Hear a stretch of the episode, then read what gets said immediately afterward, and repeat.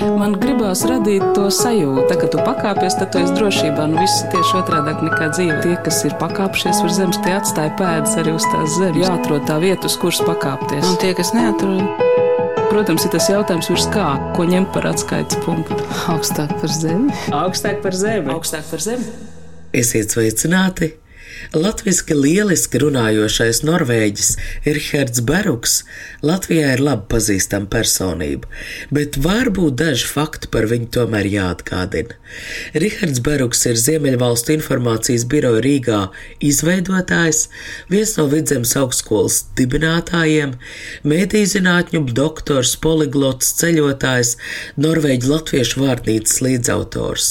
Viņš joprojām uztur saikni ar Latviju, lai gan nu jau 11 gadus par savējo sauc arī Svanetī Gruzijā. Mans vārds ir Anna Buševica, un man jāteic, ka esmu patiesi pārsteigta, ka nesen Lauras Stašāns tulkojumā latviski iznākusī grāmata Varu un ticība ceļojums uz skaistākajām baznīcām un klosteriem Eiropas austrumos ir pirmā Riharda Beruga grāmata, kas iztulkot latviski. Maršruts no Jeruzalemes līdz Norvēģijas ziemeļiem šķērso kopumā 20 valsts un apgabals, pieminēts ap 80 svētvietu.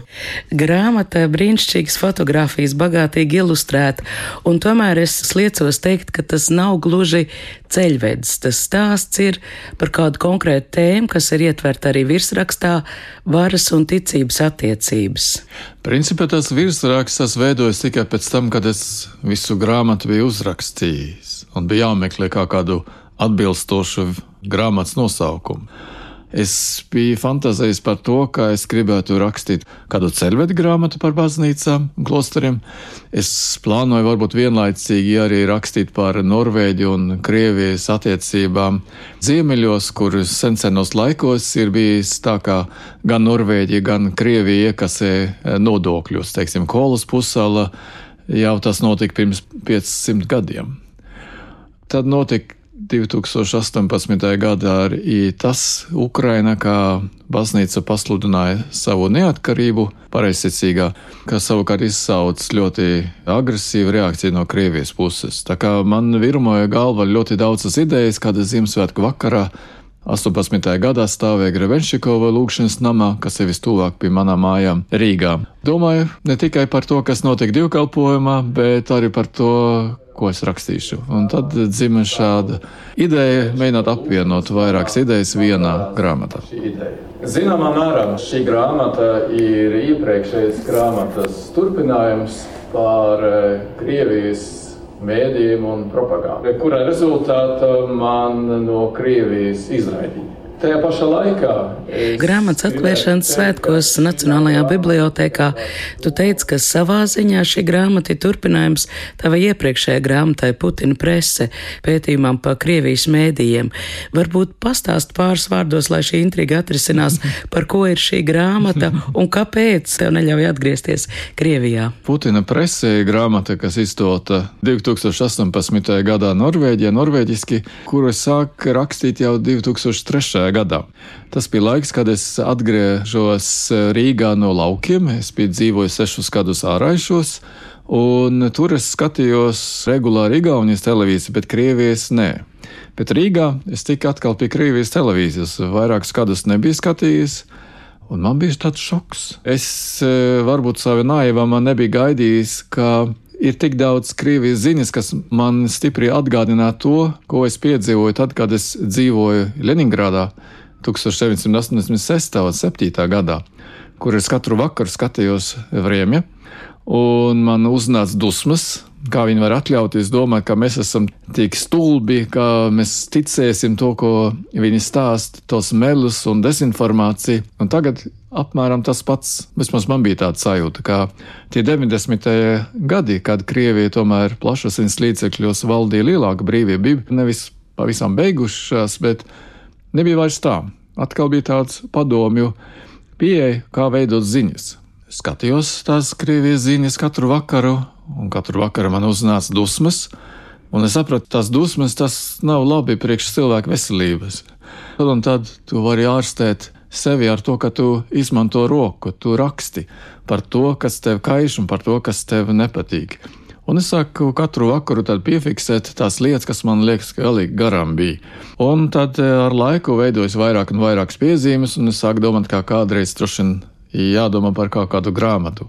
Bet tad notika tas, kas bieži manā dzīvē notiek, notika daudz pavērsieni un notikumi, un es nevarēju šo grāmatu pabeigt. Tad, kad es beigās to grāmatu pabeidzu 2018. gadā, tas pats valdnieks bija pie varas, tā kā nekas nebija beidzies, nekas nebija mainījies. Tikai tā slime bija prognozējusies. Tā bija vēl trakāk, vēl intensīvāk, un tad es sapratu, ka nu, es ceru, ka Putina periods drīz būs beigas, bet man ir jāpabeidz rakstīt šo grāmatu par Krievijas mēdījiem un propagandu. Un tās mērķis bija, lai Norvēģi, lai viņi netic tos melus, kas visu laiku ļoti smalkā veidā izplatās, kā viņi vairāk psiholoģiski būtu gatavi tam.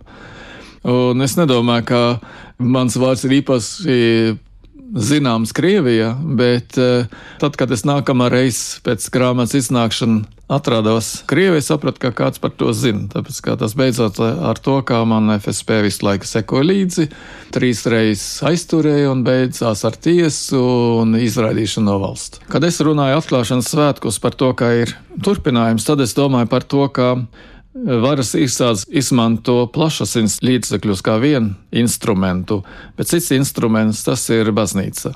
Tādā ziņā tas ir turpinājums. Ir vērts arī būt gatavam un saprast un neticēt visu, kas nāk no viltiem prāviešiem, ja tā var teikt, kas nāk no Krievijas pareizsīgas baznīcas vadības. Tajā pašā laikā man kļuva arvien būtiskāk arī pavēstīt to, ka ir ticīgi un ir ļoti jauki cilvēki un e, ir svarīgi atšķirt melu no balta. No rakstniekam ir vajadzīgs dramatisks tāds konflikts, lai veidotos stāsts, un tā pretruna jau ir pašos pamatos, jo ticība ir tāda lieta, nu, cilvēks vēlas būt labāks par to, kāds viņš ir, atrast kaut kādus labākus principus, pēc kuriem dzīvot. Tur ir ļoti būtisks arī šis ticības, nekritisks ticības moments. Un tāpat laikā, ja mēs analizējam karus, man liekas, visi kari pasaules vēsturē ir notikuši ticības vārdā, tātad tas paver arī milzīgas slūžas naidam. Kā to atšķirt, kurā brīdī noticēt, kurā brīdī būt šim kritiski domājošajam?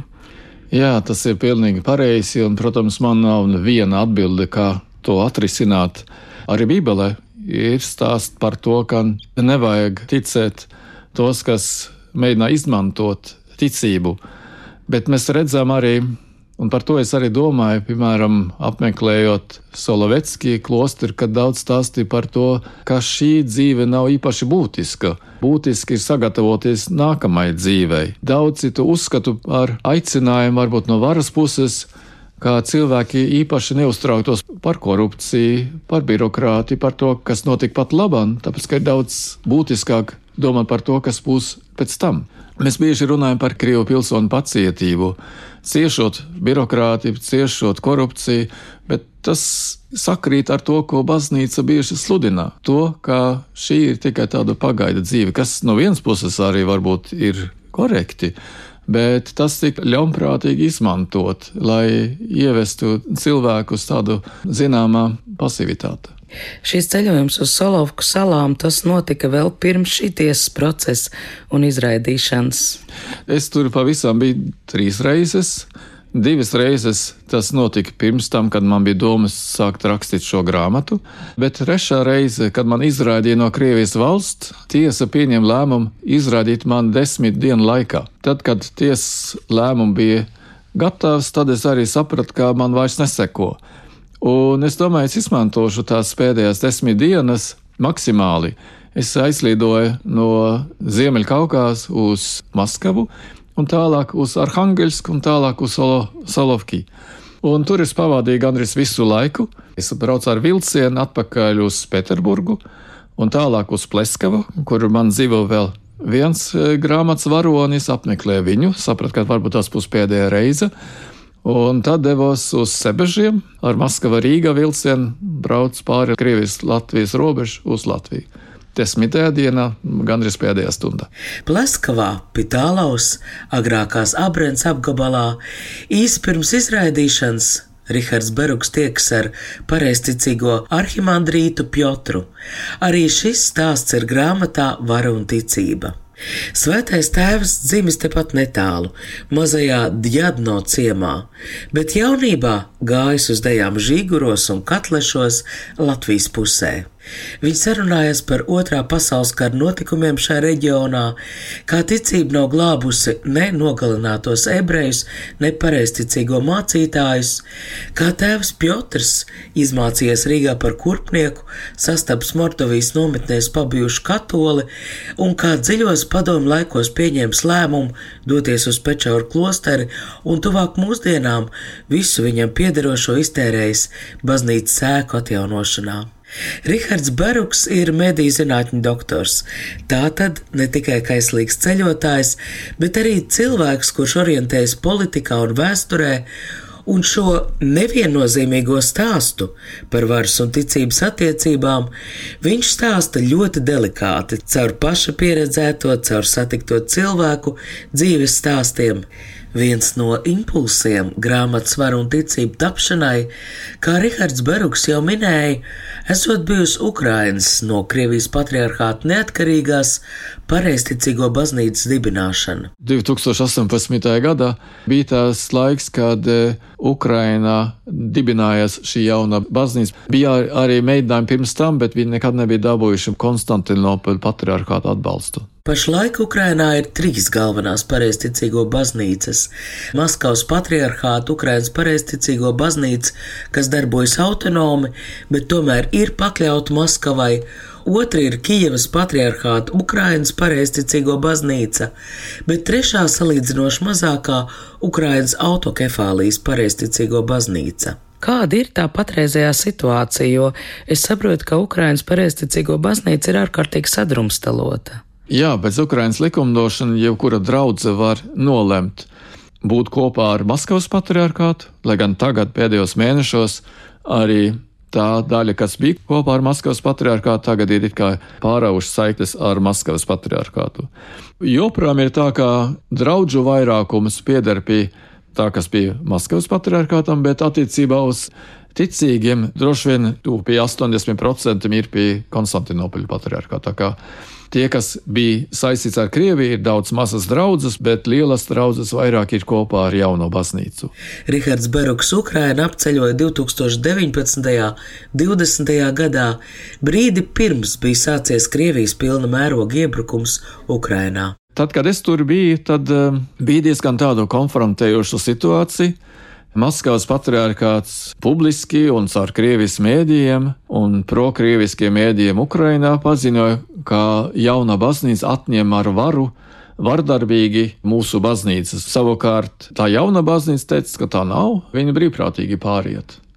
Es apmeklēju abas baznīcas, es runāju ar jaunas baznīcas galvu, Eh, es mēģināju arī tikties ar Vecas vai Maskavas patriarchātu baznīcas galvu Anufri. Viņš tomēr negribēja, bet es tad satikos ar viņu preses sekretāru. Sarunas gaitā arī Anufrijs parādījās, un es ar viņu arī nedaudz eh, sarunāju.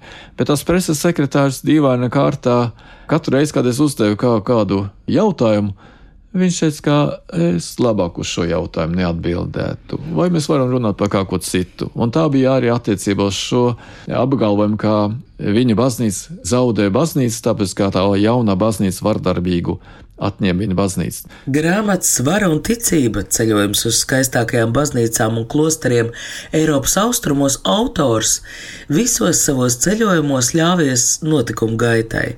Tas nozīmē, ka viņš iepriekš parasti nebrīdināja sarunbiedrus, nenorunāja tikšanos. Rihards Beruks saka, ka tas dot iespēju viņu uzrunātajiem arī varbūt inscenēt kādus viedokļus.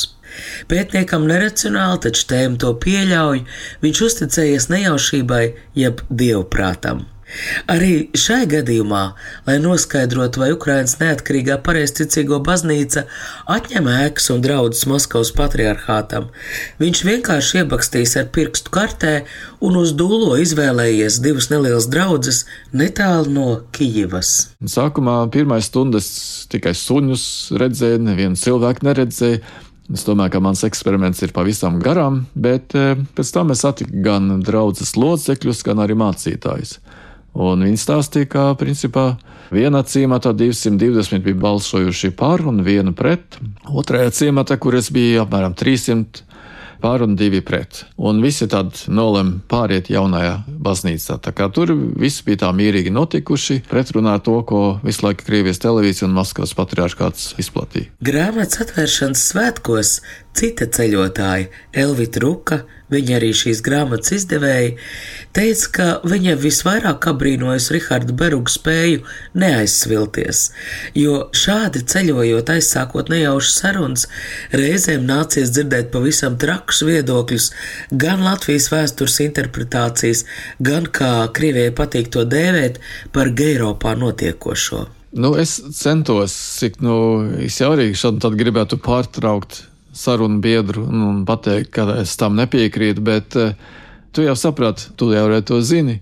Ka, ja tu sāk pārāk uzpāsties ar saviem viedokļiem, tu neuzzināsi to, ko sarunas biedrs domā un grib teikt.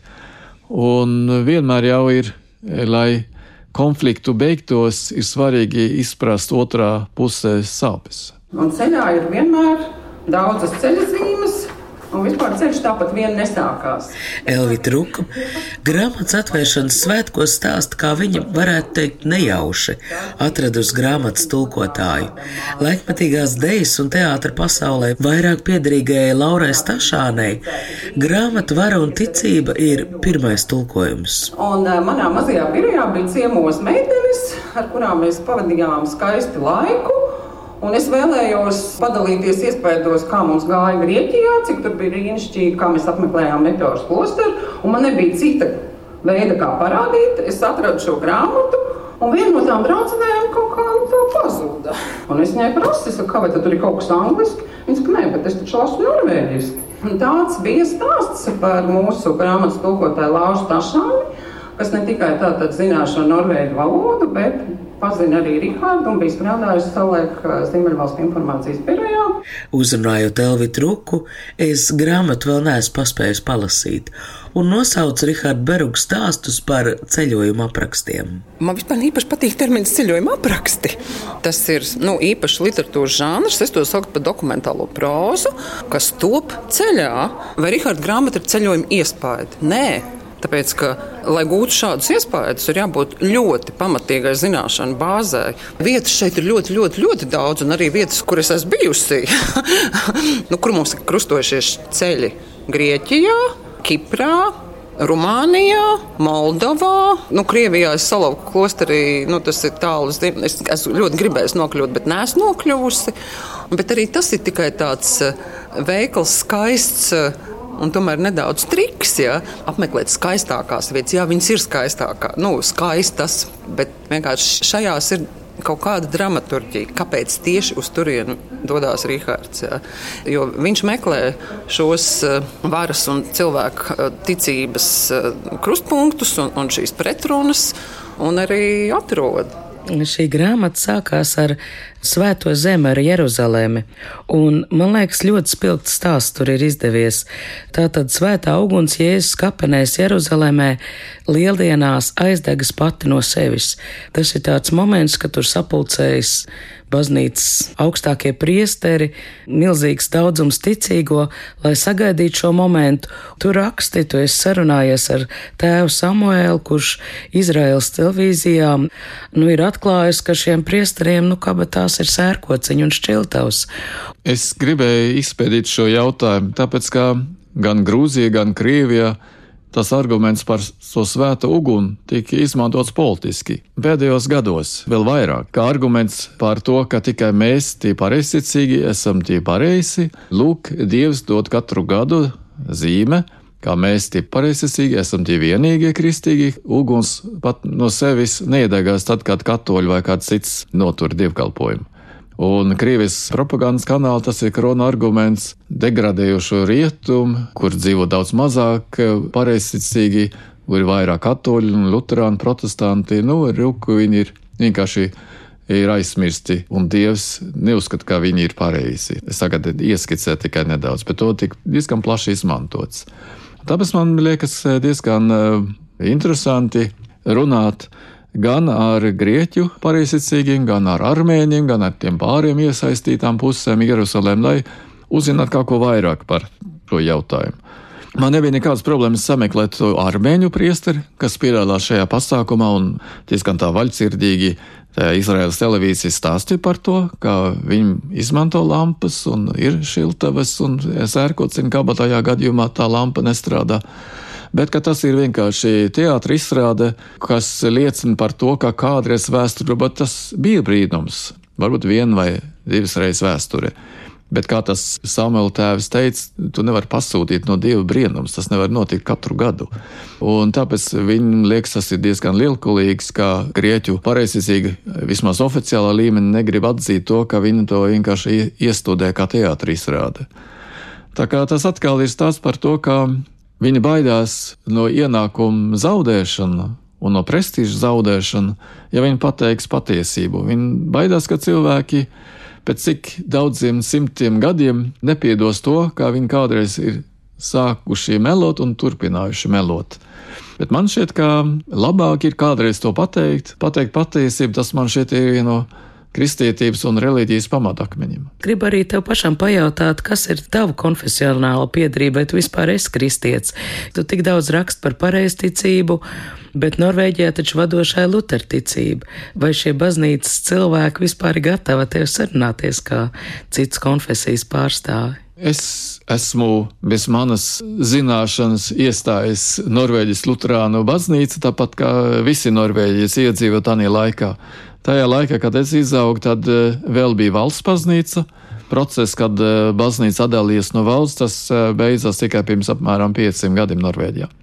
Mana bērnībā, skolas gados, katru dienu skolā mēs sākām ar lūgšanu, un tad mums katru dienu bija viena stunda ar kristietību.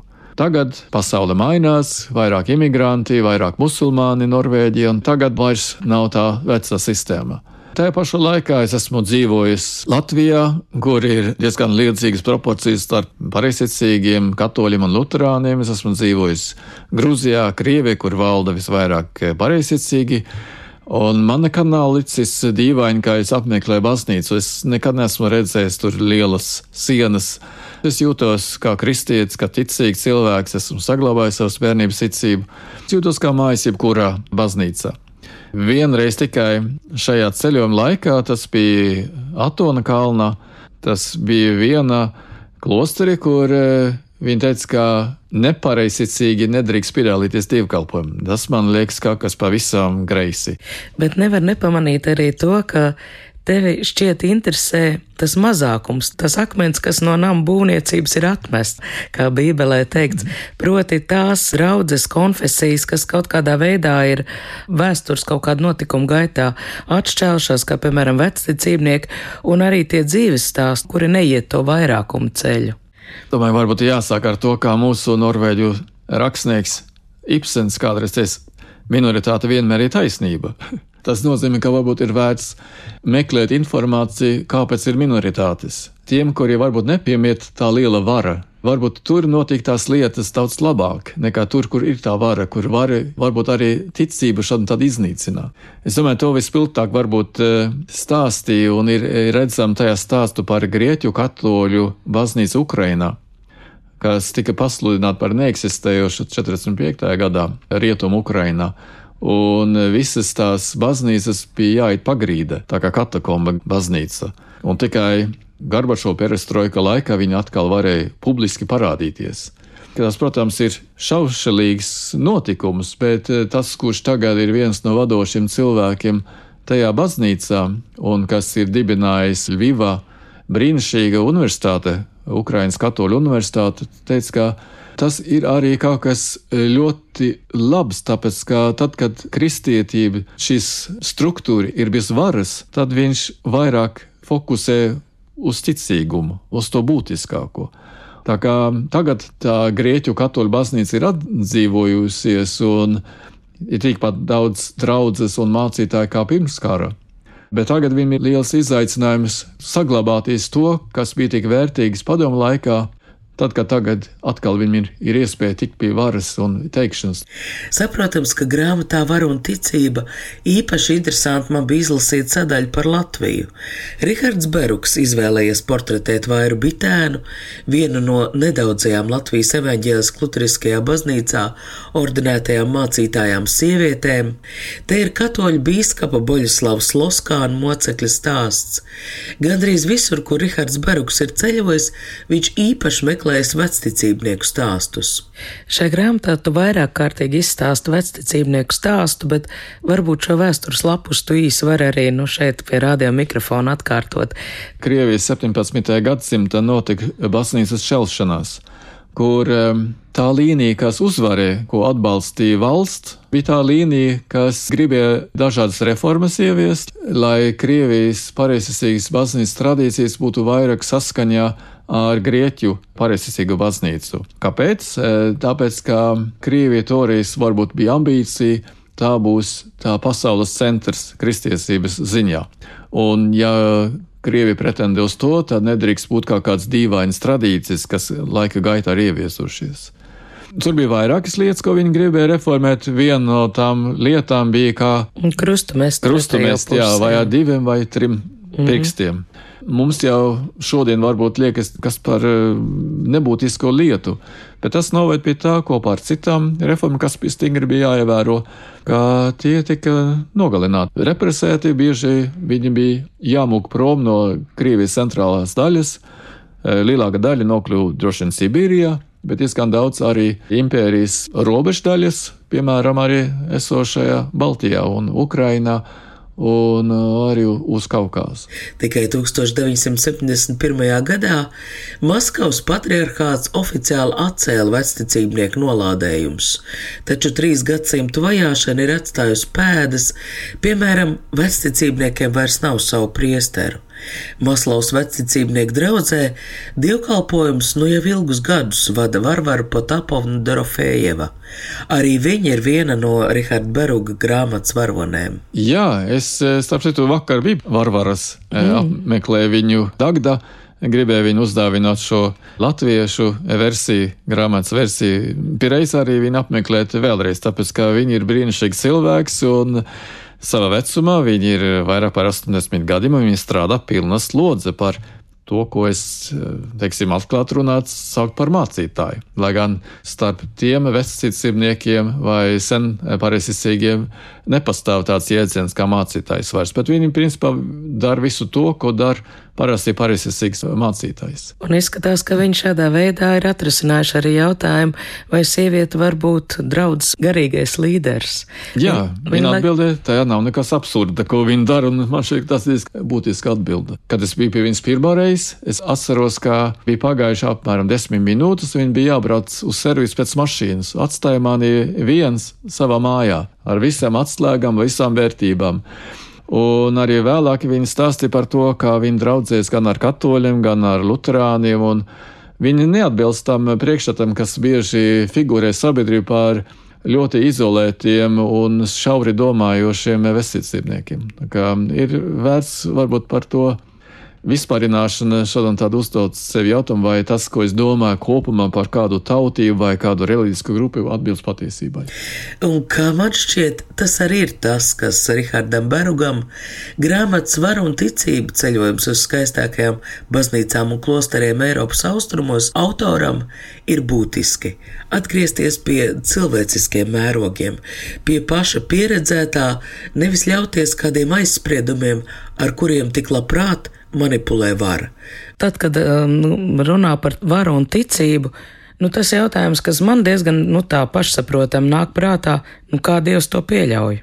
Tas ir tāds labs jautājums. Ir diezgan daudz nejauku, kas notiek šajā pasaulē, un es neesmu tāds teologs, kas māku to izskaidrot. Bet um, ir tāds sena patiesība, ka labais jau uzvarēs beigās, bet uh, mēs nezinām, cik ilgi vēl būs jāpiedzīvo to ļaunu, kas ir mums priekšā. Otra lieta, kas man šeit ir svarīga, tas ir eh, pateikt patiesību. Ja tagad Krievija tevi ielikt cietumā, tāpēc, ka tu saki patiesību, ja tu saki, ka ir karš, tad man šķiet, tas ir tik acīm redzams, ka tas nav tas ceļš, pa kuru Dievs un Jēzus gribētu, lai mēs ietu. Ar Rihardu Berugu sarunājas Anna Buševica, šī raidījuma skaņoperators Valdis Raitums. Tā kā tu pakāpies, tad tu esi drošībā. Nu, viss ir tieši otrādi nekā dzīve. Tas ir tā spēle, jā. Tie, kas ir pakāpšies virs zemes, tie atstāja pēdas arī uz tās zemes. Protams, ir tas jautājums, ko ņemt par atskaites punktu. Nē, nu, Principā ir skaidrs, augstāk par zemi. Jāatrod tā vieta, uz kuras pakāpties. augstāk par zemi.